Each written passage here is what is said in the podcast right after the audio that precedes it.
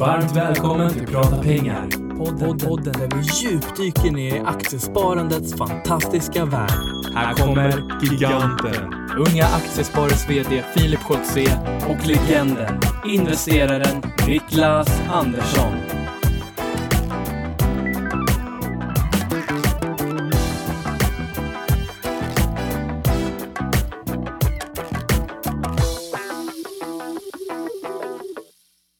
Då säger vi äntligen måndag och varmt välkomna till podden Prata pengar. Idag Niklas har vi eh, fint främmande. Det har vi. Det är ju så i vissa av våra avsnitt att vi faktiskt får fint besök och det är extra roligt då. Och det har vi ju, precis som du säger, just precis idag. Ja, det har vi.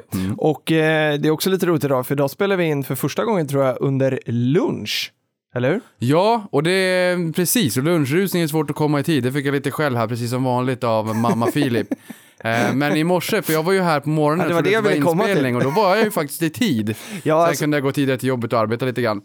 Ja min eh, mobil ringde i morse vid, vid halv åtta, eller strax efter halv åtta. Och, eh, och så var det Niklas och så tänkte jag, men vad, vad är det nu då? Eh, så, och så säger du att ja, jag står utanför. Jag bara, jag är inte på kontoret. Vi ska spela in vid lunch idag. För det var nämligen något eh, brandövning här på kontoret i morse. Så att idag spelar vi in lunch. Men nu är vi i alla fall på plats. Brandövning av fastighetsbolaget Fabege då, som äger den här fastigheten som man ser Ja. på mattan när man kommer in här och sen så tar man konehissen upp till dig. Så är det. Ehm, och eh, ja, vi har haft en eh, intressant vecka. Vi körde uppesittarkväll. Det gick bra. Det gjorde vi, det gick bra. Det var ju fjärde gången, det var ju lika roligt som vanligt. Det är en sjuhelsikes rolig tradition. Ja. Och det var minst lika roligt den här gången. Det var många som följde med i flödet dessutom. Ja, det var ju, eh, vi hade ju liksom staffat upp den här gången så att vi hade ju eh, på liksom, nu säger jag i hörnan, men det, det, när vi sitter i studion där så har vi liksom hörnan som vetter ut mot Jakobsbergsgatan tror jag att det är, eh, så, så har ju Tove suttit där och första programmet hade vi Emily, men nu hade vi båda där eh, och de hade ju fullt upp hela kvällen med att svara i flödet. Det var ett enormt flöde i tisdags. Ja, och sen vill jag poängtera att det var två killar, du och jag, och två tjejer, så det var ju också en, en, en jämbördig Ja, könsfördelning. Så att vi kan ju säga att vi har en jämställd styrelse, är det ju inte riktigt, men en, en jämställd uppesittarkväll. Ja, det kan vi verkligen göra. Eh, så det var, var jättekul. Och vill ni kika på Uppesittarkväll i efterhand så går ni in på, på Unga Aktiesparars YouTube-kanal eller på Nyhetsbyråns Direkts eh, Uppesittarkväll-kanal, höll jag på att säga. Det är det ju inte. Men deras Play Direkt-kanal så hittar ni den. Mm, och ja, men det man kan säga också bara just i, så här i backspegeln lite nostalgiskt, det var ju att vi slog ju både Guldbaggen och handboll och Aktuellt Ja. och Brexit, det var ju med Theresa May då och den deba- debaclet som var i UK. Så att, eh, och det är ju inte vi som gör det, utan det är ju alla människor tillsammans som har gjort det här till en tradition och skriver i flödet under hashtag uppesittarkväll och tillika även hashtag prata pengar Mm. under de här uppesittarkvällarna. Och det är jäkligt roligt att se. Jag kan ju säga så här, det var ju mycket att gå igenom när man kom hem där på Det kvällskvisten. var det. Det var det. Men eh, nu tycker jag vi eh, hälsar varmt välkommen tillbaka till podden får vi säga då, Alexander Gustafsson. Äntligen! Tack för att jag får vara här igen. Superkul! Ja, du är så varmt välkommen tillbaka. Eh, du har sjungit upp här inför. Eh, ja, Ja. på vilket sätt menar du då? Nej, men du satt ju här i soffan och sjöng upp innan. För att Barry White, värma du- rösten. Du menade bokstavligen talat sjöng upp. Nej, ja, inte riktigt. Men nästan. Ja, men, superkul att vara tillbaka. Ja. Det är favoritgrabbarna, prata pengar. ja, vad roligt. Det är Tack. ju eh, underbart. Ja, och för de som inte, för du var med, det var i våras. Ah, Nej, augusti somras. kanske. Så. September. Ish. Man minns ju inte. Det här är avsnitt 57 och då, eh, ja. Femma, sjua, Bertil femma, sjua. Det var inte Bertil, för det kanske är Niklas Det kan- 57. Gustav 57 är det. Hur vet man det? Det är Ah, för ja, att det, det, samma. det är för att G är bingo, G Ah, är nästan, okej. det är innan O och sen så Ah, tror ja, jag att, ja. Du, du är ett G eller ett O. Samma. G som är. Gustav. Du har varit med Ja. tidigare och för de som inte har hört det eller som inte minns som jag när det var, eh, vem är Alexander? Ja, eh, jag eh, arbetar lite för Unga Aktiespar också. Håller de här helgutbildningarna. Lite är ju inom citationstecken. det. Inom citationstecken. Uh, UA-akademin, den här fantastiska utbildningen. Mm. Eh, som det blir de flesta helgerna runt om i landet. Eh, Så det är Alla ju, nästan. ja, typ. Ja, Det är bra gäng förra året. Och det kommer bli minst lika bra det här året. Verkligen. Men sen till vardags så jobbar jag ju på den fantastiska internetbanken Nordnet. Eller hur Niklas? Jag gillar det också. ja, det är härligt. Ja, Så men det är är det. Nordnet. Och eh, sen gör vi ju även den här UA-akademin Ja. tillsammans med Nordnet. Det gör vi. Det gör vi verkligen. Ehm, och eh, 2016, jag har suttit och skrivit så här eh, året i ord. Eh, härliga uppdraget man har när man är vd för Unga Aktiesparare, sitta och skriva sådana här roliga dokument. Eh, och, eh, och då slår det mig här att jag tror att UA-akademin måste nästan slagit rekord förra året i antal eh, besökta städer och tillfällen, utbildningstillfällen. Mm. Det låter väl rimligt. Det vill jag mig minnas att det är nog de facto så. Så länge du har varit med i alla fall, så, och det är länge ska vi veta, Ja. så, så har det väl aldrig varit så här eh, många tillfällen. Nej, och jag tror inte att det var det innan heller, utan eh, vi slog verkligen på stort förra året. Mm. Och det är ju galet kul, för att det är ju inte bara här i Stockholm, eller storstäderna för den delen, utan det har ju varit ifrån Luleå i norr till Lund i söder. Exakt. Och eh, det är superkul att komma ut och framförallt träffa alla i Unga Aktiesparare och alla nya medlemmar och eh, få utbilda lite. Mm. Det skriks ju efter utbildning. Det- Och eh, Prata pengar är ju ett fantastiskt forum för att sprida än mer sparglädje. Och det vet vi också sedan tidigare att Niklas eh, första, eh, vad ska vi säga, erfarenhet av Unga Aktiesparare var också nu i akademin en vårdag 2007 har vi väl kommit fram till. Ja, nej, men det är precis. Och Unga Aktiesparare fanns ju inte i Boden där jag växte upp. Utan Nej. då var det ju Aktiespararna. Unga Aktiesparare tror jag fanns i Luleå. Finns ju i Luleå idag. Ja. Jag tror fanns även då. då. Men, men, men jag började i Aktiespararna i Boden eh, och serverade kaffe och sådär. Men det var ju väldigt trevligt. Jag fick ju ändå komma in i det, även om det var eh, med väldigt enkla arbetsuppgifter. Men det var ju fortfarande, jag var ju där. Mm. Sen hittade jag ju er då så att säga när jag, när jag flyttade ner. Ja. Mm. Men eh, Alexander, de som inte har gått UA-akademin, eh, kan inte du bara berätta lite kort om konceptet? Det är ju en helgutbildning, men vad mer? Ja, eh, ja men enkelt förklarat så har vi två stycken utbildningar. Vi har en grundkurs och den säger sig ganska av namnet. Det är en verkligen grundutbildning. Så det är allt ifrån privatekonomi till vad är en aktiefond, hur fungerar pensionssystemet, Just det. vad har jag förväntat mig där? Eh, vi pratar lite strategi, vi pratar lite företagshändelser, makroekonomi och överlag summerar ihop värdepappersmarknaden. Mm.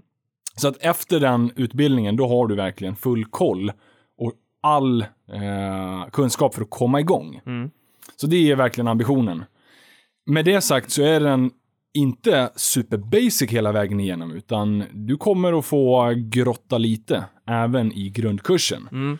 Så att är man helt ny och färsk, då passar den alldeles utmärkt. Men även den som har handlat ett litet tag kommer, och det vill jag lova till och med, Mm. kommer faktiskt lära sig en hel del. Och det kan jag intyga. Jag har ju gått den här.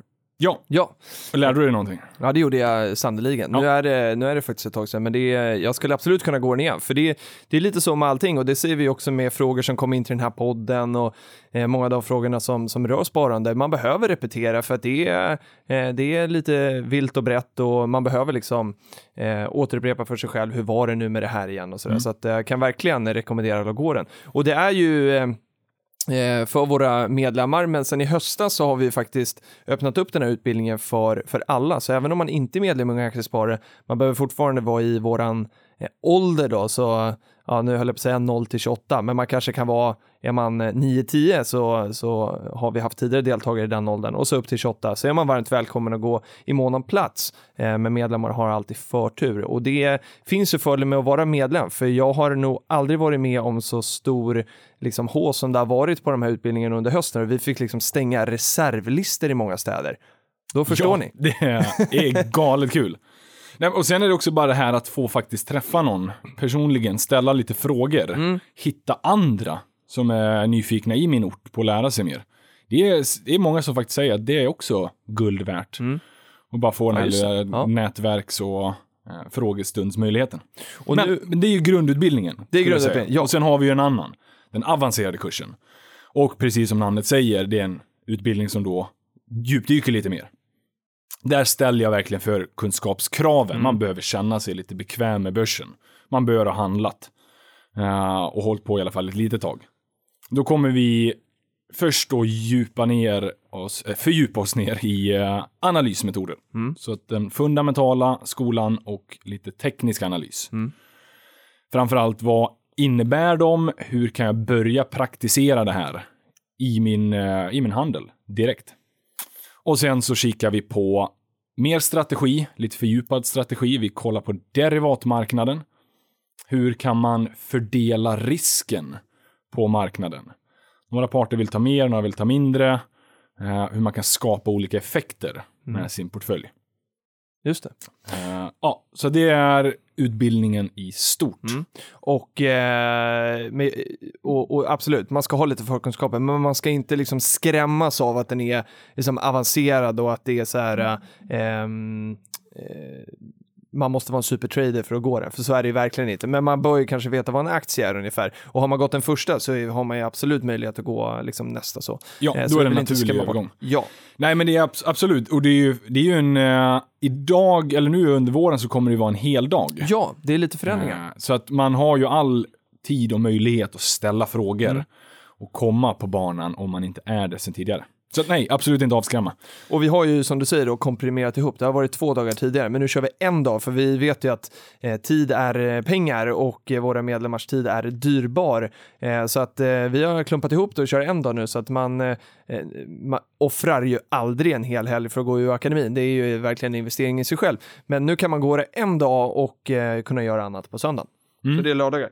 En längre lördag. En längre givetvis. lördag blir det. Det kan vara söndagar också. Så vi har... Ja, det kan det eh, vara, men det är ja, en dag, just det. eh, Och schemat för den nyfikna finns ju på Unga Aktiesparas hemsida. Ja, Och det är väl ett, eh, vad sa vi nu, 12 12-14 gånger kanske Det det. under våren. Och det är, vi kör ju alltid i de stora städerna Stockholm, Göteborg och Malmö och sen eh, eh, fördelar vi ut och snurrar runt bland våra lokalavdelningar varje termin då eller halvår så att eh, alla får möjlighet att hålla. Mm. Det blir jättespännande. Så se till att anmäla er till det nu. Helt klart. Och det är ju faktiskt redan så att eh, vi har behövt stänga någon Oh, anmälan. För att man får har hänga varit... på låset här nu. Ja. Gå in på ungaaktiesparare.se och anmäl er. Ni hittar det under aktiviteter. Eh, men eh, jag tänkte så här att när du är på plats, så, eller jag och Niklas tänkte att så, så vill vi ju, eh, precis som du säger, att den här podden ska vara utbildande. Och jag fick en fråga från vår vän Göte Brunasse, ekonomiläraren känner vi ju till Niklas. Han skrev till mig i höstas här och ville att Eh, vi skulle ha ett avsnitt där vi gick igenom fundamental analys. Vad är det? Eh, och samtidigt så skrev Snackargoja här, har vi ju nämnt tidigare i den här podden, eh, roligt namn under hashtag prata pengar, att visst är det kul med rapporter, ska gräva ner mig i Ericsson ikväll, skrev han eh, här i veckan. Eh, och då tänkte vi att vi ska göra precis det här idag. Eh, vi ska ta H&M's årsredovisning och så ska vi titta på den fundamentala analysen eh, och gå igenom resultat, balansräkning och kassaflöde. Eh, och då kan man ju, eh, eh, om man lyssnar på den här podden nu, trycka på paus och så letar man fram den här årsredovisningen eh, och så kan man liksom följa med. Och nu är det ju 2015 års årsredovisning eh, och på måndag, alltså idag när det här släpps, så har ju 2016 års årsredovisning kommit, så då kan man ju tillämpa det man lär sig i podden idag för nästa års siffror. Riktigt bra tajmat. Eller hur? Ja. Det är väl supertiming? Snyggt. Men som sagt, vi spelar in det här några dagar innan. Vi har Ja, inte det är fått... fredag idag, så vi har inte fått några insikter. 27 är det idag. Ja, Vi skojade lite och sa innan, det hade ju varit roligt om H&M hade släppt det till oss innan så att vi kunde få sitta med de färska nyheterna, men det skulle nog aldrig ske. Nu dyker vi in på den fundamentala och jag lämnar med varm hand över till Alexander eh, som ska leda oss igenom. Vart eh, börjar vi? Oh, nerv nervöst att få leda här nu. Men det- det kommer bli alldeles utmärkt. Ja då. Eh, nej men det är så här, varför väljer vi H&M då? Eh, Det är ett ganska bra exempel. Många känner till bolaget. Eh, det är ett rörelsedrivande bolag. Det ger också eh, en viss effekt i hur, hur årsredovisningen kommer att se ut. Vad menar vi med rörelsedrivande? Ja, primära verksamheten är att sälja någon vara eller tjänst. Okej, Mer eller mindre. Så att det finns till skillnad ju... från tjänster då, är det det vi tänker eller? Ja, men en bank till exempel, Ah, okej. Mm. eller ett konsultbolag skulle kunna se annorlunda ut. Jag Oavsett, skulle, jag skulle ja. vilja säga där också när man pratar om fastigheter, då har man ju tillgångar egentligen som ligger och kan uppvärderas. Fastigheter kan vara en krona eller två kronor. Eh, det är ju en- om, man, om ett bolag, eh, om värdet på ett bolag stiger för att den tillgång som bolaget äger stiger, det vill säga NK som huvudstaden äger, om någon är beredd att betala en krona för den och sen så imorgon är någon beredd att betala två kronor, då har ju värdet fördubblats. Men det är ju som Alex säger, det är ju inte en rörelsedrivande åtgärd som har gjort att, att den här uppvärderingen har skett. Nej. Det är ju mer ett tillgångsmassa. Vissa fastighetsbolag har ju både tillgångar och även en rörelse, man får in hyresintäkter och sådär. Men det är ju verkligen en, en, en tydlig skillnad däremellan, precis som man är inne på. Så att bara för lyssnaren då, ha det lite i bakhuvudet. Eh, har man inte läst årsredovisningar tidigare så kommer de se lite olika ut. Men vi, eh, vi fokar lite på H&M i det här fallet. Och eh, det är ju massa siffror. Vi ska inte gå igenom varje ordagrant, utan jag tänker att vi lägger lite vikt vid vad är det man kommer att hitta och hur ska man kanske tolka det. Eh, Men i utbildningen så brukar jag börja fundamental analysdelen med egentligen ett citat från Buffett. Oh. Och det är, på engelska, så att ursäkta knagglig engelska här. Men it's far better to buy a wonderful company at a fair price than a fair company at a wonderful price. Just det. Och vad är poängen med det då? Ja, men där i någonstans ligger lite av nyckeln i vad fundamental analys går ut på. Man separerar här. Vi har wonderful company, eller företaget, de fundamentala värdena. Produkterna, personalen, lokalerna, det som är bolaget. Och sen har vi price, aktien. Och jag brukar se det som att de är två separata ting. Det är klart, aktiens primära uppgift, den är att spegla bolaget. Men den kan också påverkas av så mycket, mycket mer.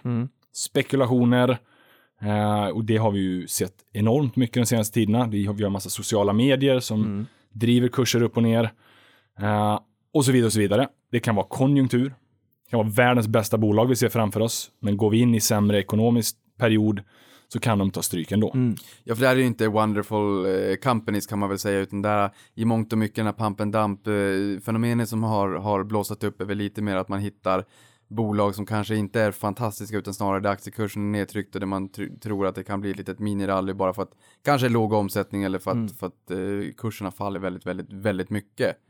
Ehm, så det är ju verkligen en ordentlig skillnad mellan, mellan kvalitativa bolag och att man, att man investerar i bolagen och, och, och, och rörelsen underliggande snarare än att spekulera kanske i värderingen av, av bolaget. Just det. Exakt. Och det är lite det jag tänkte vi skulle komma in på. Att vi stoppar aktien åt sidan och egentligen lägger vikt vid företaget. Intressant. De fundamentala värdena. Ja. Därav namnet. Fundamental analys. Fundamental analys. Ja. Eh, cirkeln sluts. Eh, och en, eh, en av de vanligaste sätten där man kanske börjar sin fundamentala analys, det är ju att kika lite i årsredovisningen. Det är där vi hittar eh, den mest, liksom, mesta informationen från bolaget. Hur de utvecklas. Och lite snabbt bara, vad, vad har vi att förvänta oss? Vad kommer vi hitta i en årsredovisning? Det kommer ju skilja sig från varje bolag. Eh, en del är jättelånga, kan vara upp mot en 100, 150, 200 sidor i vissa fall. Några är superkomprimerade. Kanske lyckas få med allting på 20-25 sidor. Men det som årsredovisningslagen säger i alla fall, det som måste ingå, det är en förvaltningsberättelse. Och det är någonstans en, en övergripande förklaring om vad, vad är det företag sysslar med. Vad har vi för verksamhet? Vilka risker finns det? Vilka marknader är man verksamma på? Övergripande. Ej att förväxlas med det här inledande ordet. Som Ja, brukar komma i början av en årsredovisning. Är det vd-ordet? Ja, men typ kan vara vd-ord eller Ja. ordförande. Den förvaltningsberättelsen brukar ju komma i början av finansdelen. Mm. Så typ mitten. Just det. Eh, och det kan vara bra att bara kolla igenom, så här, vad är det de sysslar med, har jag fattat det? Men den kanske mest intressanta är ju sifferdelen. Det är där vi gillar att grotta ner oss. Eller hur? Visst Niklas? Vi gillar att grotta ner oss i siffror. Och idag ska Bra. vi försöka göra dem begripliga också, för det är ju inte helt begripligt alltid. Nej, Nej. Nej, alltså grejen är att hjärnan är ju sådär, jag, jag har hört någon säga när det kommer till sociala medier och sådär, att, att man stannar upp rent intuitivt om man ser ett ansikte i en bild. Mm. Eh, och lite sån- så, men, men siffror, där stannar man ju inte upp. Jag har Nej. hört en annan kollega som tittade på ett litet videoklipp där jag förklarade preferensaktier hur det fungerar och hon stängde av när hon såg siffrorna för att hon var rädd. Mhm. Hon gav det inte ens en chans utan hon var rädd, uff vad jobbigt med siffror, där stänger jag av. Så det är ju precis det ni sa nu, det är så otroligt viktigt på ett pedagogiskt sätt att kunna översätta Google Translate siffrorna till, till saker och ting man verkligen kan förstå och ta in. För siffrorna, bakom siffrorna så gömmer det ju sig en fantastisk värld av intressant information Bra. där man kan hitta de här fantastiska bolagen om man tittar på rätt saker och det är förmodligen det vi förhoppningsvis kommer att lära oss idag i det här avsnittet. Yes, och det är ju lite så här, om det var Graham som sa, ett litet lifehack. Läs årsredovisningen baklänges. Börja inte från början, för det är där alla siffror och alla policy och tjafs är. Utan börja längst bak där sifferdelarna, noterna är framförallt. Ja, just det. Det är där man hittar den kanske viktigaste delen. Man får detaljerna. devils, the devils, det finns ju inte i plural hoppas jag. The devil is in the details. Eh, men anyhow, sifferdelen då. Det som vi kommer att kika på eh, och det som ingår är ju en resultaträkning. Mm. Och jag brukar ofta se den här lite som input. Längst upp, där har vi intäkter. Vi har sålt någonting eller vi har fått in någon, några kronor i bolaget. Och sen har vi massa kostnader. Dang, dang, dang, dang, dang, dang, dang, dang. Och sen längst ner, där har vi ju förhoppningsvis en vinst. Eller där har vi i alla fall resultatet. Kan ju blinka med röda siffror också. Men så att resultaträkningen blir lite en input. Vad får vi in i firman och får vi någonting över? Och sen balansräkningen. Där har vi själva företaget.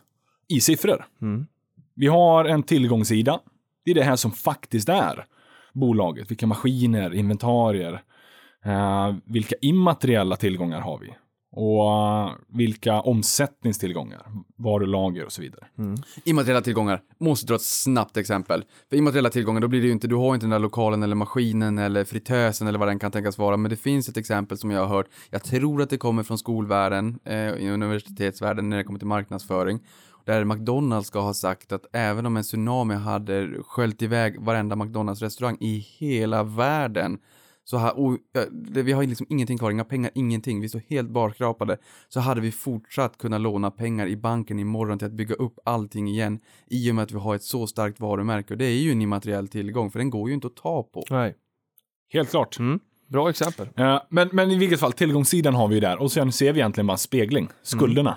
Hur har vi betalat för de här tillgångarna?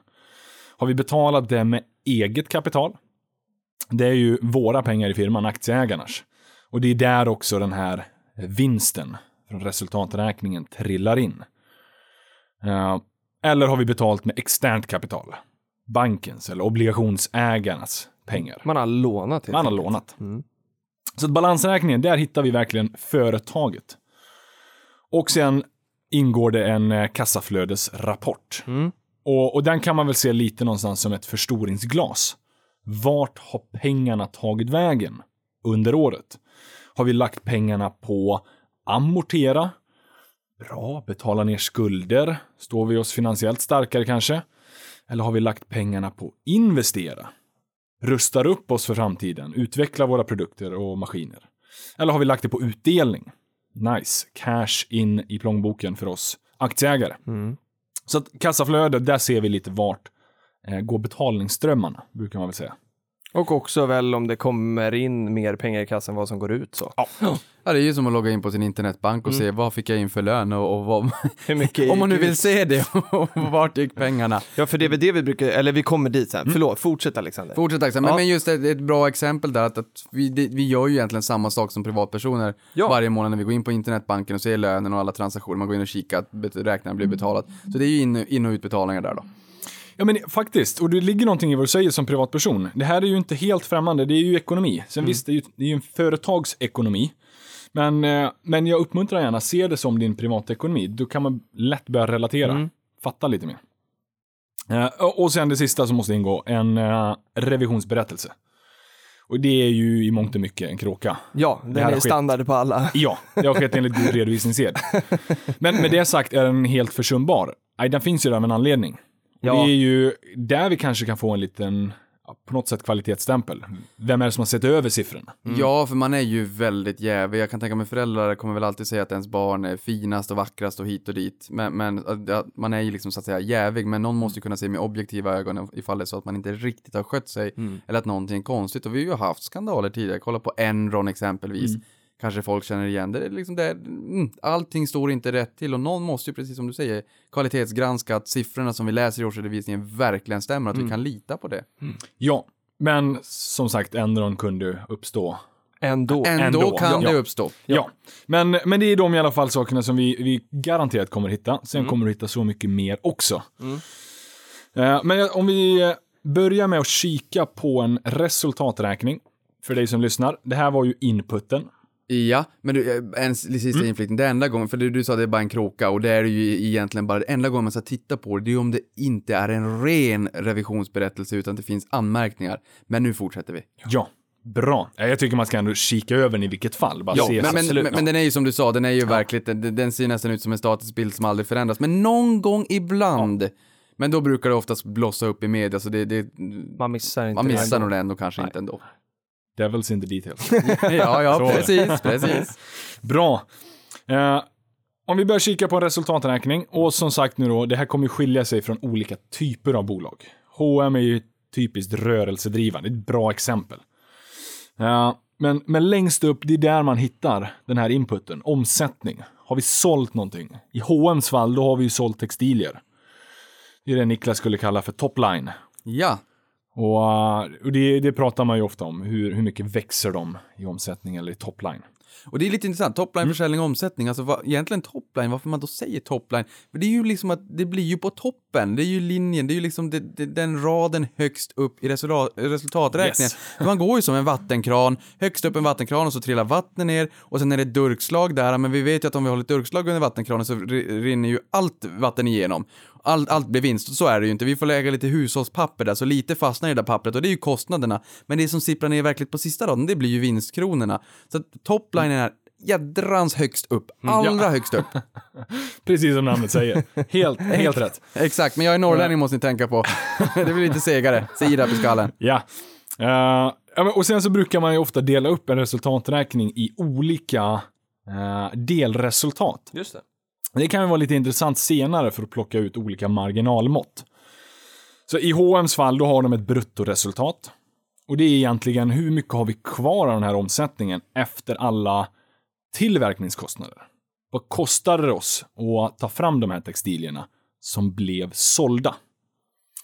Och där har vi själva bruttot. Sen nästa del är egentligen rörelsedelen. Alla kostnader i samband med försäljning. Så Och då är det kost- personal och... personal, lokaler, det ska vara prime location eh, och så vidare. Lite administrativa avgifter och sådär.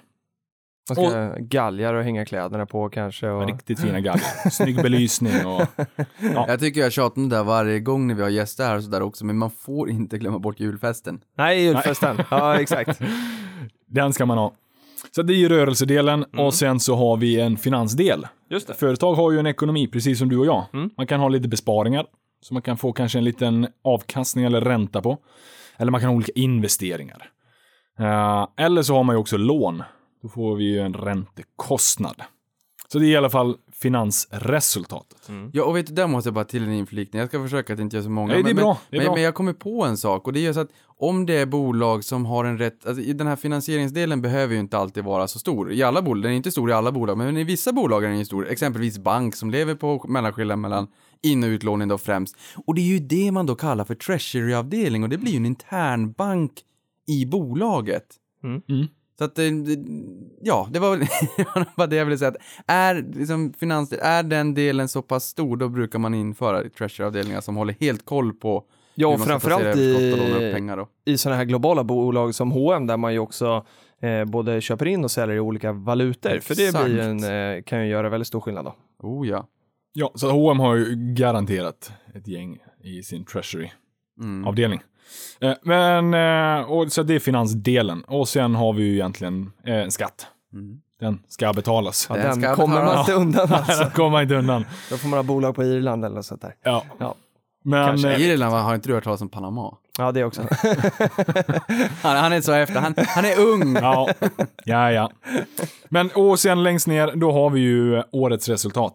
Ser vi svarta siffror eller blinkar det rött? Och det här måste man säga, jag tycker jag har aldrig gillat det här svarta siffror. Jag tycker svart känns ju som att det är, eh, det är ju positivt i den här meningen. Men det känns som att svarta siffror är liksom, att det är mörkt liksom. Har lite mysiga siffror, lite... Ja, men lite- det kanske är lite- Blåa siffror. Ja, ja, för blåa är de ju ibland när man tittar i börslistor så kan ju det vara ja, grönt eller blått och så här. Nej, men är blått, blått tror jag nog är det. Grön, jag tror grönt. Ja, vi går grönt. vidare. Skönt Ni- att sitta här emellan idag. Ja. Ni, ni, ni som förstår den kopplingen så är Ja, det men svarta på olika siffror, bolag. ja, och svarta siffror är alltså positivt och röda är negativt då. Eh, ja. Ja. Sen är det nog inte skrivet i lagen, utan det kan man nog säkert. I UA-lagen. Ja, just det. Just det. Ja, för, för där måste jag säga, nu när du säger att det är inte skrivit i lagen, det där är ganska intressant. Man skulle ju kunna göra det kanske bättre, för svenska bolag är ju i världsklass när det kommer till att göra intressanta redovisningar. Pröva läsa någonting med amerikanska så somnar man innan man har läst sida nummer tre. Men det är ganska intressant det där, om någon kanske känner till det i flödet så skriv gärna under hashtag prata pengar. Varför är det svarta siffror? Är det bara för att det ska vara stilrent eller skulle man inte kunna göra det lite roligare kanske? Ja, Ja. Ka- kanske kan man kan få in den här blinkande effekten. kanske. När det är lite negativt. Neonfärg. Ja. Kanske, kanske. Vi får se. Eh, har man tur så får man ju oftast något år tillbaka. Så vi har, har någon historia som referens. Det brukar ju vara standard att man jämför hela tiden med föregående år. Just det. Sen så vill jag ju ge, väldigt gärna uppmuntra det då. Nöj dig kanske inte med ett år tillbaka. Utan försök hitta lite längre. Ja, det går inte i paradox. Nej. Exempelvis. Ja, men för det, det ska man ju säga också när man tittar här på, eh, på H&M. För då står det ju, om ni har den framför er här nu så ser ni att 2015 så gjorde man 20 miljarder då, lite drygt i vinst, 20,8. Ja, 21 nästan. 21 nästan. Och, eh, och ibland hör man på nyheter så här, H&M höjde sin vinst med och det blev 21 miljarder. Så vet man då, man har ingen aning om är det här mycket eller lite och då är det ju precis som du är inne på att man måste sätta det i relation till någonting. Ja, Och det var ju högre än året innan. Så det, den är ju standard att, för analytikern att jämföra mot. Eh, har man tur så kan det, i H&M brukar de faktiskt ha en sån här fem år i sammandrag. Så den är ganska schysst. Då får du i alla fall lite mer historia. Men annars så finns det ju, man kan ju ladda ner gamla årsredovisningar eller använda sig av olika program. Just det. Eh, Men där har vi egentligen resultatdelen. Det sipprar, eh, var lite kostnadsdelar och sen längst ner har vi ett resultat. Ja. Det här resultatet trillar ju sen in då under eget kapital i balansräkningen. Och balansräkningen, precis som namnet säger, den balanserar. Vi har tillgångssidan, vad är bolaget och sen egentligen bara en spegling i värde. Vad har vi, hur har vi finansierat de här tillgångarna? Skuldsidan. Och, eh, och här eh, är det ju alltid en så här frågetecken kring eget kapital. Att det är på skuldsidan, vi var inne lite på det. Men det man ska komma ihåg här är ju att det här är ju bolagets balansräkning och bolaget har ju en skuld till sina aktieägare. Och det är därför den eh, hamnar där. Eller det är väl så man kan förklara det. Ja, Ja, bolaget äger ingenting självt och det är Nej. därför man också kan säga så här, varför delar bolaget ut så mycket pengar till, till aktieägarna? Här, det spelar ingen roll om det står en miljon på företagets konto och Nej. inte arbetas. En, en arbetslös miljon eller om det delas ut till aktieägarna för att det är aktieägarna som äger alla tillgångar och bolagen utvärderas ju på lönsamhet. Det ska inte stå pengar som inte arbetar. Nej. Men det där går också i ett jättesnabbt exempel på ungefär 20 sekunder. Eh, och det är ju där, har man en bostadsrätt som är värd en miljon kronor, då är ju balans, det går ju att jämföra med balansomslutning eller så tillgångsmassan i ett företag, det är en miljon. Sen så har man då en skuld på åtta, eh, nu säger vi 850 000 då, för då, då räknar vi med en kontantinsats på 15 eh, procent. 850 000 är lån, så då tar man balansomslutning, en miljon minus 850 000 i lån, då har man 150 000 kvar och det är eget kapital, en sån här residualpost. Det, det som är kvar av alla tillgångar minus alla skulder, det är ju liksom det egna kapitalet som man har. Eh, återigen, liksom bara för att tänka från ens privatekonomi. yes. Var det 20 sekunder? jag tror det. Snyggt. Nej, men det var jättebra. Uh, än en gång, re- relatera till din privatekonomi. Det blir, det blir så mycket enklare. Uh, balansräkningen, den, den kan man ju lägga väldigt mycket tid på. Här hittar vi liksom bolaget. Ska man någonstans ge en övergripsbild, så tillgångssidan brukar man dela upp i två delar. Vi har den anläggningstillgångarna. Eh, och det är egentligen för stadigvarande bruk på längre sikt. Och sen har vi omsättningstillgångar. Tillgångar som ska förbrukas snart. Och där är det ju typ Kan man säga omsättningstillgångar att är det inom ett år, är det inte något sånt där och anläggningstillgångar är det på lite längre sikt? Ja, man brukar väl säga typ två år och längre på anläggningstillgångar. Så saker man har som ska förbrukas det kommande året eller användas på något sätt då? Ja. Och då kan man säga anläggningstillgångar är som en herrgård som är bunden och man får inte ut eller en obelånad skog eller vad den kan tänkas vara. Omsättningstillgångar, det är pengarna på buffertkontot i Thailandsresan. Exakt. nu, nu känner jag att nu har jag kört in på den här fliken så jag kommer Ja. flika in Ja, men det är bra. Ja, men det är bra. Riktigt bra. Eh, och ja, men de så här anläggningstillgångar, där har man ju lite olika delar. Vanligtvis så hittar du ju maskinerna och inventarierna. I H&M's fall så är det det som är hjärtat Verkligen. i bolaget. Eh, inte bara vill vi se där att det ska vara en stor post, vi vill, vill väl kanske till och med se att den ökar. Man investerar i verksamheten. Men vi ska inte gå för hastat fram, utan det är ju faktiskt på kassaflödet sen som vi ser vart tar pengarna vägen. Gör man faktiskt sina investeringar. Ehm, vi har lite immateriella tillgångar som Niklas var inne på tidigare. Saker du inte riktigt kan stoppa eh, ta på. Eh, ut- men fortfarande saker som är av värde. Relationer, varumärke. Eh, en sån här goodwill brukar ju dyka upp också. Ja, den tillhör immateriella. Ja, den kan vara, ha, vara lite bra och hålla ett öga på. Eh, enkelt förklarat så uppstår ju goodwill när ett bolag köper upp ett annat. Betalar för mycket.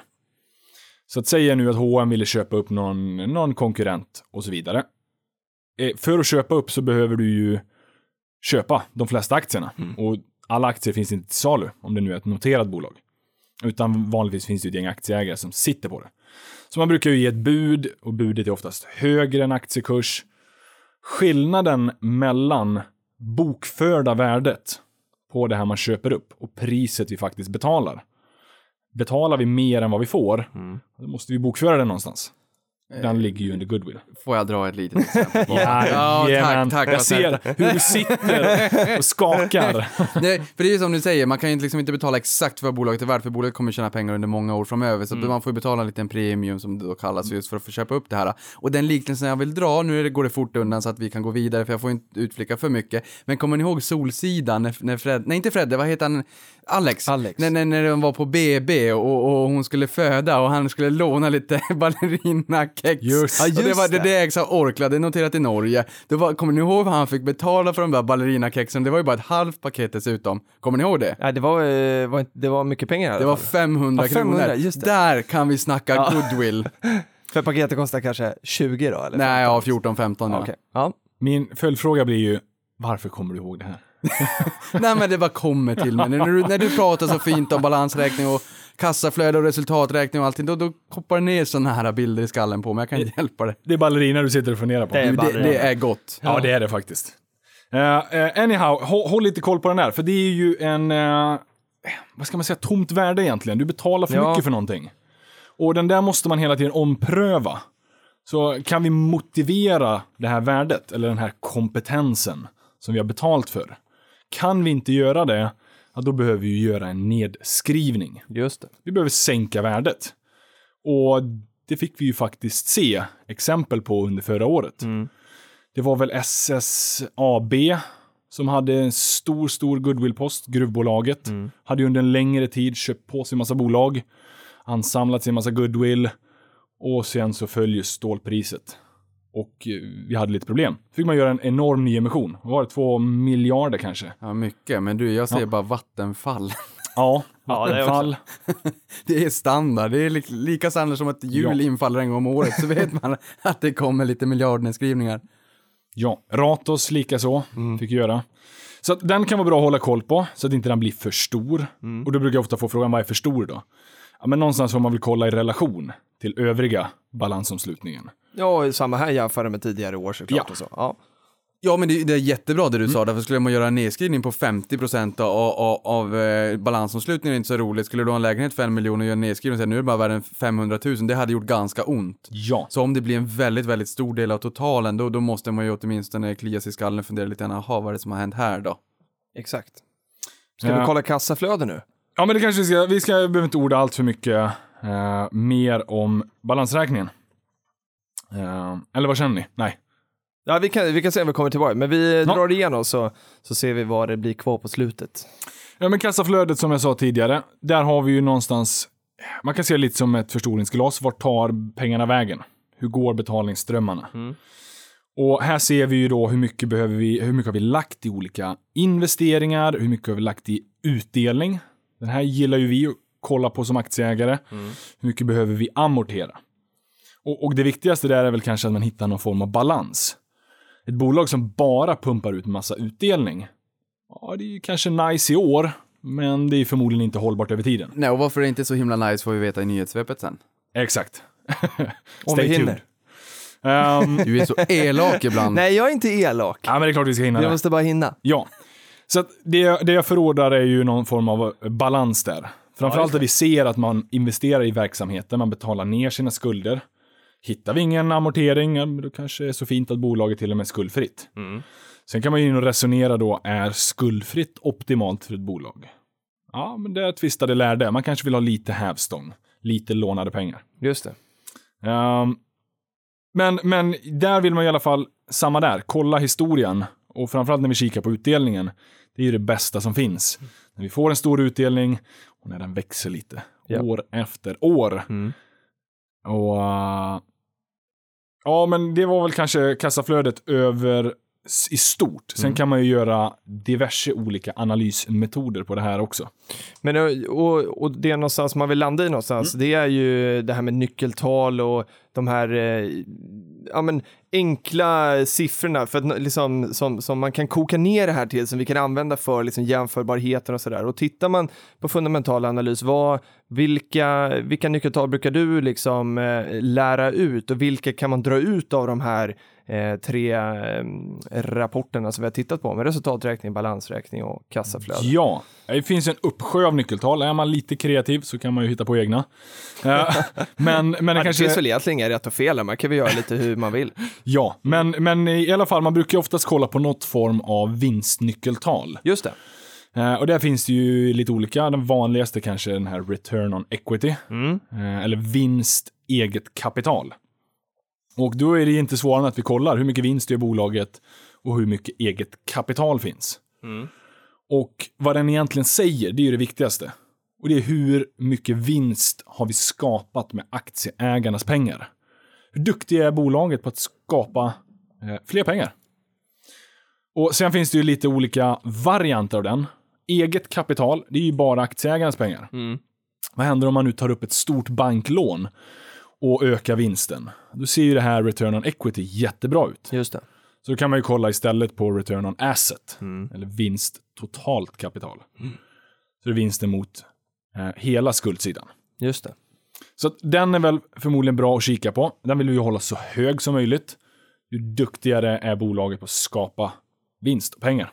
Och för den som vill eh, ha än fler nyckeltal och än mer kunskap så får man ju gå utbildning. UA-akademin. Ja, och där är det ju bra att göra det i sånt fall, för just de här andra med nedgråten när man tittar på olika specifika bolag, det blir så himla eh, subjektivt. Det finns så mycket att grotta ner sig i där och, och det finns inget givet svar riktigt.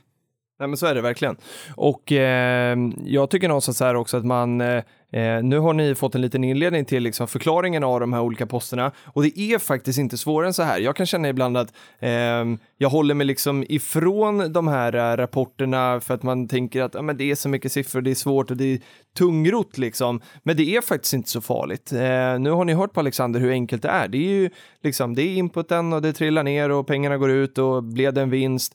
Eh, hur har man liksom finansierat bolaget i balansräkningen? Vad finns det för tillgångar? Och vart liksom används de här kassaflödena under året? Så att det är egentligen, det är eh, kanske tungrodda begrepp, men bakomliggande så är det faktiskt inte så svårt. Så att liksom använda det här som en övning och, och ta fram den här rapporten, gå igenom och titta, jämför hur såg det ut mellan 14 och 15 nu när ni förstår vad som ligger bakom och ta sen eh, HNs rapporter 2016 och jämför mot 15 så har man ju faktiskt gjort en väldigt bra övning själv. Bara för att liksom titta på de här siffrorna och börja bli lite kompis med dem.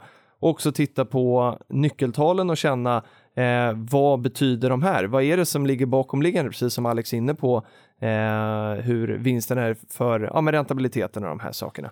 Att eh, svaren står ju faktiskt i de här rapporterna. Ja, och sen kan man väl säga att ett, ett bra tips om man vill börja komma igång med det här och, och liksom anamma den, den, den kunskapen vi har fått av, av Alex nu, eh, så kan man ju kanske börja med någon redovisning som är lite enklare och då skulle jag ju föreslå Kopparbergs av en anledning och det är att de är lite blyga när det kommer till redovisning. De, de, de, de bjuder inte på så mycket utan de, de håller det kort och koncist så att de, den är ganska kort. Ehm, så att jag menar, H&M är ju ett gigantiskt bolag och vi har ju tagit oss igenom nu här på ett eh, fint och pedagogiskt sätt. Men när man vill göra det här hemma, liksom även köra på egen hand, så skulle jag eh, rekommendera Kopparbergs just för att den är inte så lång, det är bara några sidor. Mm. Och sen kan man växla upp mer och mer ju mer kunskap man förvärvar. Just det. Eh, vi, eh, har vi något eh, sista där eller ska vi ta ett par eh, lyssnarfrågor också? Eh, vi skjuter lite lyssnarfrågor. Vi kör lite lyssnarfrågor. Vi måste ju få in dem också. Vi har första alltså kommer från Kalle Andersson eh, som skriver under hashtag prata pengar på Twitter så här. Om man vill byta ut ett bolag i portföljen, på hur lång sikt bör man fasa ut eller in då det här bolaget? Eh, vad säger du Alexander? Eller hur tänker du? Det är som Eh, vanligt, ja. noll rätt och fel, utan bara hur gör du? Nej, nej, men jag har ju rätt svar. Ja, Okej. Ja, nej då. nej, men det är ju väl alltid högst individuellt. Ja. Ehm, Jag personligen brukar väl inte köpa hela posten direkt, utan Nej. jag skalar upp ett innehav. Att man köper lite över tiden. Sen är det så här, det är ju ett litet fult knep, men jag, jag tycker att det är ganska bra eh, att köpa in en så här superliten post i vissa lägen, bara för att tvinga mig att bli investerad. Så håller man lite koll på bolaget, aktivt följer det innan man väljer att göra Ja, just det. större eh, investeringsbeslutet. Men, eh, ja, men jag skulle ändå förorda att man köper över några gånger. Sen behöver det inte vara 200 Nej. köptillfällen. Nej, precis. Utan eh, hur Och sen ska man väl fingrar- kanske bygga på det här om man är som, som vi tre, att man liksom köper eh, och ska handla i aktier liksom hela livet så, så kommer man ju fylla på flera gånger om året. Ja, men, men med det sagt så kan jag ju skala ut ganska fort. Ja, och det det är beror ju på om det har det skett någonting totalt liksom för, som förändrar bilden. Mm. Så eh, då, då kan man ju liksom direkt sälja av allting. Just det.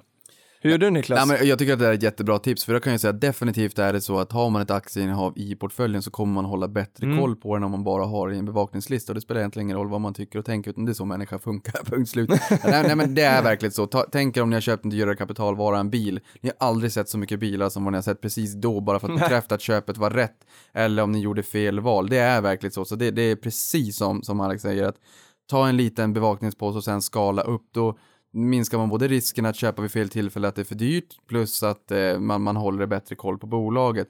Sen när det kommer till att skala ner då tycker jag man ska ta den positionen så fort som möjligt och, och hiva ut det ur portföljen direkt för de har redan bestämt sig för att man inte vill ha det. Inte hålla på och försöka titta på när den är bäst att sälja och hit och dit. Bort med det direkt. Det är alltså min personliga uppfattning och jag vill, vill precis här som som vi inledningsvis så, så angenämt gjorde att dra ett Warren Buffett-citat, att dra det till. Om man inte är beredd att äga ett bolag i tio minuter ska man inte, nej tio år förlåt, ska man inte ens äga det i tio minuter. Nej, men det är en bra Eh, grej. För, för då har man liksom redan bestämt sig, varför, Ja. då ska man dra plåstret. Verkligen. För att annars blir det bara det här psykologiska ont, ont i magen varje gång man vaknar och säger just det, och nu är det en ny dag, Exakt. ska jag ha det en dag till eller hur var det nu, jag vill ju egentligen inte ha det. Nej. Jag, hur, hur tänker ni om ett bolag har blivit för stort? Ja, men för det är det som är intressant. Ja. För jag, jag håller helt med i resonemanget innan här. Jag gör precis på samma sätt. Jag, sen försöker jag jobba eh, emot mig själv ibland för att jag kan bestämma mig väldigt tvärt att så här, nej men nu vill inte jag ha det här längre. Skistar är ett sånt exempel. Eh, jag, ång, jag har ägt i liksom flera omgångar eh, och så har jag bara ratat ut och sen har jag köpt in det igen. Och det är väl, det är väl, det finns en poäng där som du säger Niklas. jag tror Filip är periodare. Ja, lite perioder. Ja, men det är så här, nu är det snö, det är vinter, då vill man ha det igen. Eh, och, och jag tycker väl det är helt okej, men någonstans så kan man väl också, eh, så kan det väl vara bra att lugna ner sig lite ibland, eh, som Micke Syding sa när han var här, att gå ett eh, varv runt kvarteret. Och det är ju det som du är inne på här Alexander, tänker jag att eh, om ett innehav har blivit för stort, det har rusat jättemycket och blivit för stort, så, så kommer jag ihåg i, i Sparpodden back in the, eh, back in the days så sa eh, Günther John att men man kan ju sälja hälften. Eh, för att då har man ju liksom dragit ner risken men man har fortfarande liksom en, eh, en ordentlig bit kvar. Så att eh, det kan väl vara ett bra tips. Why not? Jag vet att Niklas jag- har inte gjort det. Du Nej. har ju låtit alla bara rida fram. Jo, men det är ju för att jag vill ha bolagen kvar i portföljen, men just det här med att sälja hälften är ett jättebra eh, klassiskt tips, Mm. just därför att om, om det då så, vi säger att det är en rapport eller vad den kan tänkas vara, nu är det lite väl kortsiktigt, men säg att det är en rapport då, och att man är lite orolig, ja men sti- stiger den så har man ju åtminstone kvar hälften och faller den så har man åtminstone sålt hälften, så att det är ju Ja. verkligen en gyllene medelväg. Jag vill ju förhoppningsvis känna att jag har valt de bolagen jag vill ha i portföljen, gillar dem idag, gillar de, gillade dem igår och kommer att gilla dem imorgon. Men, men om man inte riktigt är så långsiktig i sin strategi så tycker jag det där är ett fantastiskt tips som, som man verkligen ska anamma. Ja, men jag tänker att det kan vara det i alla fall. För att, eh, alltså, om vi säger nu att man har ett bolag som har, eh, man har en idé om att man vill ha Eh, en eh, lika vikt ungefär på de bolagen man har och så är det något som sticker liksom dubbelt. Inte nog med att det bolaget då är, är, har eh, dubbla exponeringen så får ju de andra bolagen som man också gillar och vill ha egentligen samma vikt på mycket mindre relativ exponering eh, eller påverkan i portföljen. Så att liksom, eh, förstår du vad jag menar? Att det kan ju även om man är så pass långsiktig vara ett värde att liksom balansera upp det genom att sälja av. Ja, jo, förvisso, men så här, varför ska du kapa de bolagen som uppenbarligen har medvind och, och går bra och är i stigande trend? Det är Nej. ju som att ta den här... Nej men det är ju en riskfråga, för sen kan du, för Ja. i ditt fall har vi exempel med Betsson och så Ja. kommer smällen förra året och då påverkar du det din portfölj i det stora hela väldigt stort liksom. Ja, nej, men för, nej, men för där är det väl så här att om du har en häst på, på travet som är su superbra, då tar Mm. du inte släggan och smäller knäskålen på den hästen. Det gör man ju aldrig ändå. Skulle jag- Vanligtvis inte i alla fall. Nej, vanligtvis inte. Förhoppningsvis precis. Vad gör vi, gör väl aldrig någon, en, någon sån grej. Men jag menar, Betsson, jag vet inte, det är under tvåsiffrigt, men, men det är ju en liksom i relativa termer en större vikt och den, de kommer med vinstvarning i Q2 då. Så att, ja, jag, Ja, jag förstår nej, vad du det- menar, men det blir lite sådär vanskligt. Då vill jag hellre pytsa in mer pengar i de andra. Men alltså, det, det finns ju inget Ja, givet exakt. svar. Men Nej, är det gör det lite- inte. Man får känna lite vad man Jag får känner. ont i magen när du Jag- ställer en sån där fråga för att så här, kapa de som går riktigt bra för att ge... Nej, men jag har, jag har Ja, jag nog känner aldrig samma. gjort det, och jag har nog aldrig gjort det själv heller, kanske för att jag inte haft några aktier som har gått riktigt så bra. Men, men, eh, ja, men jag tycker ändå Nej, men det är, inget fel, det är inget alltså. fel i resonemanget, Nej. inte alls, utan det blir mer bara så att det blir jobbigt. Det är ungefär som att jag måste köpa en ny bostad nu när man ska få barn inom ett år. Jag skjuter den eh, frågan framför mig, jag sticker huvudet i sanden. Jag sticker huvudet i sanden på samma sätt på den här frågan, för den är väldigt svår. Ja, och så går vi vidare Ja. till nästa fråga. Eh, för vi har fått en eh, specifik till dig, Alexander, från Elof Rosenlund som också skrev under Hashtag prata pengar.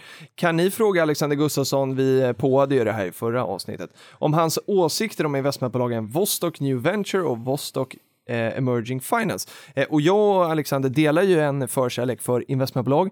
Eh, Just de här två bolagen har jag inte i min portfölj, eh, men så att jag är också väldigt nyfiken på att höra vad, vad är det som gör att de här finns hos dig? Eh, ja, men exakt. De, jag har ett innehav i båda två. Mm. Och det är i väldigt stor utsträckning för att jag just gillar investmentbolag och har alla, mer eller mindre. Mm. Ja, det har du det är en faktiskt. del av min strategi. Mm. Eh, men för den som inte känner till dem, det är ju avknoppningar av eh, Vostok Nafta gång i tiden. Om Filip är periodare så är du junkie. Då är jag verkligen investmentbolags-junkie. Jag skriver under varje dag i veckan. Eh, men Vostok Nafta, det var ju ett investmentbolag i oljesektorn. Eh, sen spann man av till Vostok New Ventures. Det är liksom avknoppningen. Det är investmentbolag som övriga, men de har väldigt stor exponering mot Ryssland och Östeuropa. Och det är egentligen det jag kan tycka är lite intressant. Eh, jag har väldigt mycket exponering mot Sverige. Det är alltid trevligt att få lite mer utomlands. Ja, just det. Lite Sen, sen är ju New Venture, 60% av det där bolaget, det är ju det här Avito. Rys- Jaha, Rysslands blocket, mot... Exakt. eh, just det. Så du har en väldigt stor exponering mot den. Och, och det var ju anledningen till Kinneviks extra utdelning där, Ja. när de, när de Ja. avyttrade sin post här. Just det. Och sen har man kanske en så här 10-15% någon eh, samkörnings, typ Uber-liknande Okej, variant. Mhm. Också den i Östeuropa och Ryssland exponering. intressant. Alltså på tal om Ryssland så måste jag ju bara berätta att jag var på ett lunchseminarium med Peter Elam på, på East Capital här tidigare i veckan. Och då var det en slide de pratade om. Och om jag säger så här, det var deras kärninnehav i Ryssland. Vinstförväntningen, EPS-tillväxten eller vinst per aktietillväxten 2017 förväntat var 31,5 procent. Mhm. Och prislappen för den vinsttillväxten var ett P-tal på 9,6. Hade det varit i Sverige Vi ska säga att det här är ju... Eh, Ja, det kommer, jätte- det Okej. kommer. Mm. Hade det varit i Sverige, det är bra pappa, ja, jag sköter mig. Hade det varit i Sverige, då hade jag köpt det här alla dagar i veckan. Jag hade lånat upp varenda pengar jag hade kunnat på banken, hade lånat svärmor, mormor, farmor, family, fools, friends och investerat där. Och det var lite lägre vi var, vi var på P8 i Sverige under finanskrisen när det small. Just det. Men det här är ju Ryssland. Och det behöver ju vara en rabatt för den politiska risken. Men mina herrar, vad tycker ni? Har inte den politiska risken ökat lite grann på hemmaplan här också? Både Europa, USA, Ja, det Ryssland. Har den inte ökat lite Jo. överlag? Jag skulle säga det också. Och sen är det ju som alltid, vi har ju en... Det går inte att undgå att media blir vriden i någon riktning. Och jag vet inte om det här rysshotet är riktigt så stort som man kanske målar upp det. Jag såg Putin eh, sjunga någon liten visa på någon liten träff igår. Det avdramatiserade honom lite grann när han var lite mänsklig. Jag såg det på YouTube. Man har alltid sagt så här, hård människa som man Mm. ska vara rädd för, men då visade han lite ödmjukhet och då tyckte jag, ja, han såg ju inte så farlig Nej. ut. Eller Men, är det eh, en, en del av hans strategi? Det Ja, kan, det vara. kan det ju vara. Innan vi eh, går in på nyhetssvepet som kommer alldeles, alldeles strax så vill jag bara säga det att de här talen som du ändå nämner eh, så är det så att vi, vi tre har ju ju ändå tittat eh, och gjort såna här fundamentala analyser eh, i några år. Så när du säger att det är vinsttillväxt på, det var det du sa, var på 30 procent 31,5. och eh, att man fick köpa det till en värdering på då P 9 någonstans. Eh, 9,6. 9,6 så, så tycker vi att så här, wow, det här låter häftigt. Eh, och sitter ni där hemma och det gör ni säkert, för det hade jag gjort för några år sedan och tänkt så här, okej, fast 30 och 9, det säger mig ingenting. Gör då den här övningen då och eh, gå in och kolla på H&M och gör det här med andra årsrapporter, för då kommer ni se att de här siffrorna är inte så vanliga att hitta. Eh, så att det är bara av erfarenhet som gör att vi kan så här haja till till de här siffrorna och det kan ni också. Det är inte så svårt som det låter. Nu är det dags för Men nyheter. är- innan bara jag får eh, avsluta på de där bolagen. Mm. Eh, och det är därför jag har dem, för att ge en liten exponering mot Östeuropa Just och det. Sen så här, som alltid, gör en egen analys. Alltid. Eh, se över om du vill ha dem eller inte. Ja, men det, och där kan man ju säga också, liksom, om, om det är en schampoflaska som kostar 39,90 i affären, men då är prislappen 39,90. Det är enkelt att förstå. Men, men alltså P talet det är prislappen i, i mångt och mycket när det kommer till aktier. Det är det nyckeltal man använder allra oftast, som visar liksom hur många gånger årsvinsten man betalar. Och om vi har ett bolag som har P20, där vinsttillväxten kommer vara 100%, då kommer P-talet falla ner till 10. Yes. Eh, Så det, just när jag säger att det är 31,5% i vinsttillväxt, det är ganska, vinsten förväntas stiga ganska mycket. Redan idag är det, i dagsläget som det var där, var det ett ganska lågt P tal och det faller ner ännu mera när vinsten stiger, för P det är ju price earnings. Yep. Men, men, men när jag sa 9,6, det är värt en disclaimer här att, att Ryssland är en marknad som tingar en hög risk, så att jag vill säga att det där var inte en köprekommendation på, på något Ja, nej, sätt. nej. Eh, Bara så att, man har det med, så att man har det med sig så att säga. Nyhetssvep. Men nyhetssvepet, ja, jag ska dra det lite som snabbast här. Men man kan säga så här, idag, Telia sänker utdelningen från 3 kronor ner till 2 kronor, vilket ger en direktavkastning på dagens kurs innan jag kom hit till er eminenta herrar på 5,5 procent. Och jag brukar ju säga att guld kan bli kattguld. Köper man ett bolag bara för att det i absoluta tal har en hög direktavkastning. I det här fallet så ser vi att det inte lönar sig. Samma sak när det kommer till Ratos. Eh, om utdelningarna faller, att man kapar dem, men- man har lite jobbigt med både omsättning och vinst och kassaflöden och så måste man kapa utdelningen. Den, ger, den, Telia i alla fall har ju inte gett så mycket totalavkastning, kursen har inte riktigt stigit, utan alla har hankat sig fast på den här lilla träbiten som flyter ut i oceanen och heter direktavkastning. Ja. Och nu vart det lite sämre än så, så att värt att, att tänka på att det finns mer än, än direktavkastning och utdelning. Fredrik Lundberg och Anders Borg misstänks för lite eh, mutbrott i och med Holmen. Det här har varit på tapeten under ett antal år, egentligen sedan 2015. Nu blossade det upp i media igår. Får vi se vart det tar vägen. Trygg framtid på Twitter kom precis över miljonstrecket. Ytterligare en person som kommer över eller milstolpen en miljon i sparande. Det är kul vill- när ni delar det. Ja, jag vill verkligen skicka stort grattis och han är inte den enda. Jag har sett väldigt många den senaste tiden som har kommit över den här magiska gränsen, men jag vill ändå lyfta upp det och säga grattis för det är kul att se att det går bra för andra. Eh, Sen kan vi säga att Trump avser att fortsätta bygga mur muren mot Mexiko. Den uppskattade kostnaden är 200 miljarder och det är en femtedel av Sveriges inkomster 2017, bara för att sätta det i relation. Eh, sen kan man säga, och, och då säger de att vi tänker inte betala det, då tänker de det gör de visst för då sätter de upp importtullar så att det blir indirekt så att de får betala ändå. Netflix ska öka original content från 600 timmar till 1000 timmar och man ökar budgeten från 5 till 6 miljarder. Man ökar alltså budgeten 20%. Och här vill jag också säga att det finns en, en serie som heter Designated Survivor som jag måste trycka på. Det är den bästa serien jag någonsin har sett. Det är original content-serien och säg om ni tycker att den är bra eller inte. Den är jättebra. Det var lite smygreklam för en serie som jag tycker är så jädrans bra. Jag har sträcktittat på den. Och du är också aktieägare i bolaget, ska vi säga. Ja, jag, jag, är Och det är aktieägare, jag också. jag är aktieägare i, i Netflix. Det är jättebra att du säger det, det ska sägas. För man, ha, har man någon jävla situation ska man alltid säga det är vi. Men, men här serien är faktiskt bra. Ericsson sänkte utdelningen. De har höjt utdelningen i åtta år i rad innan de sänkte den ganska mycket 2007. Sen höjde de åtta år i rad, det kan man inte tro. Det är en av de bästa höjarna på MXS30. Nu sänkte man den och en av de starkast lysande polstjärnorna kommer till utdelningshimlen. Höjarna är släckt. Japp. Rest in peace. Norwegian slog passagerarrekord, totalavkastning i fem år 169,9% här tidigare i veckan mot SAS 57. Det gäller att även hitta guldkornen i branschen, uppenbarligen har ju de gjort något som är lite mer rätt än, SAS i det här fallet. Dow Jones, de ska sälja biljetter till USA för 600 kronor också. Du Ja, kan åka till Kanada som du gillar. Den är Ja. inte i USA i och för sig. Nej.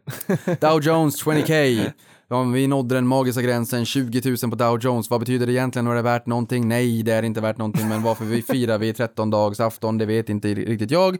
Jo, det vet jag för jag Wikipedia det, men nu vet jag det. Men det är just så, det är, det är en rolig grej i vardagen och det här är en liten speciell symbol. Det är lite mycket nollor och det är roligt. Och det var 64 dagar mellan att man slog 19 000 upp till 20 000 och det är en rörelse på 5,2 procent. NNB Intressenter, kul med er två herrar från det, det blåe fullföljer bud på Nordnet och begär tvångsinlösen. De hade 93,37 procent av eh, kapitalet och rösterna här tidigare i veckan. Och nu snabbar jag på lite grann. Ehm, Det är vär- Nordnet då alltså? Ja, Nordnet, precis. Världens, eh, för de ska köpas ut från börsen då. Världens största biokedja köper Nordic Cinema Group som ingick i Ratos förut och SF Bio ingår i det här då. De får kinesiska ägare, precis som Volvo för ett antal år sedan. Eh, sen kan jag säga 42,9% av aktierna på Stockholmsbörsen har stigit med minst 15% de senaste fem åren. Tittade jag här för en vecka sedan. Det är alltså vad man behöver för att fördubbla kapitalet vart femte år. Eh, jag var på en aktieträff där Clas Ohlson sa att 90% av befolkningen i Sverige och Norge passerar en Clas Ohlson-butik och går in minst en gång om året. Helt makalöst. Jag tycker det är ganska häftigt att man kan få så fin exponering. Det gäller att kunderna handlar också. Mm. Söderfjäll och Karlström anhållna misstänkt för marknadsmissbruk, men de släpptes dagen efter det här, så Fingerprint vi pratar om. Och sist men inte minst, Amazon. De satsar på bildelar. De ger sig alltså in i ett helt nytt segment nu. Så online e-handel, när det kommer till bildelar. Det händer mycket på Amazon. De gör ju också det här, äh, hade ju någon första butik i Seattle nu tror jag, där man kan gå in och, och handla utan, äh, ja man bara plockar på sig grejer tror jag och så fattar den vad du Just tar det, och så den drar känner av och så drar den från ditt konto direkt du går ut. Ja, sen när det kommer hit, kommer det- säkert till Malmö och, först och, då. och när du säger det, Itab är ett bolag som jobbar med sådana här automatutcheckningssystem och på min butik, nu går jag till Coop, det är inte noterat, det är ett kooperativ, men det ligger på andra sidan gatan och det är liksom bara läge som gör att jag går dit för det ligger väldigt nära. Ja. De har dragit in sådana här automatutcheckningar och vet att förut var det fem kassor eller någonting. Nu har de dragit ner det till tre, varav det ofta sitter en eller två personer och de sitter där sysslolösa. I mångt och mycket när jag är där. Så där har vi ju ett sätt för, för, för många matvarubutiker, kanske inte sparka personal, men över tid så kan det nog bli lite mindre personal. Men att de får göra andra sysslor som kanske är lite mer högförädlande. Fina delidiskar, beställningar av tårtor och smörgåstårtor. Lite andra arbetsuppgifter i, i dagligvaruhandeln, det tror jag på framåt. Vad tror ni? Det tror jag också. Och Ja. tittar jag på min närmaste ICA-butik och jag har också ICA-gruppen eh, i min portfölj eh, så, eh, så se, jag har ju handlat där många år så jag känner igen personalen och där har man verkligen utökat de här självskanningskassorna. Eh, men personalen är ju kvar, bara det att nu hjälper de till vid självskanningen och så gör de andra saker. Så jag, jag har inte sett att personalen har minskat. Nej, för personalen kostar en massa pengar. Och, och eftersom att de kostar en massa pengar så ska de ju kanske vara någonstans där de också driver mycket intäkter. Och det skulle Så kunna vara en del i disk. För jag tycker det skulle vara trevligt att få lite tips på middag eller en liten tårta eller någon som hjälper till lite sådär. Exakt. Hörni, stort tack för idag. Framförallt till dig Alexander. Vilken eh, härlig utbildande Ja. del. Vi får väl eh, fortsätta det här eh, under året. Tänker jag. Ja, men helt klart. Ja, eh, det var superkul att vara här. Mm. Alltid lika roligt. Sen eh, till er lyssnare, och om ni vill höra lite mer så gå jättegärna UA-akademin. Gör det. Det är därför vi har utbildningen. Det är för er. Ja. Så gå in på ungaaktiesparare.se igen så hittar ni all Yes. information där. Och sen så, eh, det är ju så här, Philips följarantal på Sharewill har ju dragit iväg. Så jag vädjar ju till er där ute. Jag måste ju gå med honom. Så att följ mig på Sharewill om, om man är nyfiken på vad jag äger för någonting. Men framför allt så att jag får fler följare än Filip. Ja, och då heter du Alexander Gustafsson och jag heter Filip Scholtze så kan ni följa mig samtidigt. Så håll i avståndet. Ja. Tack för idag. Hej då.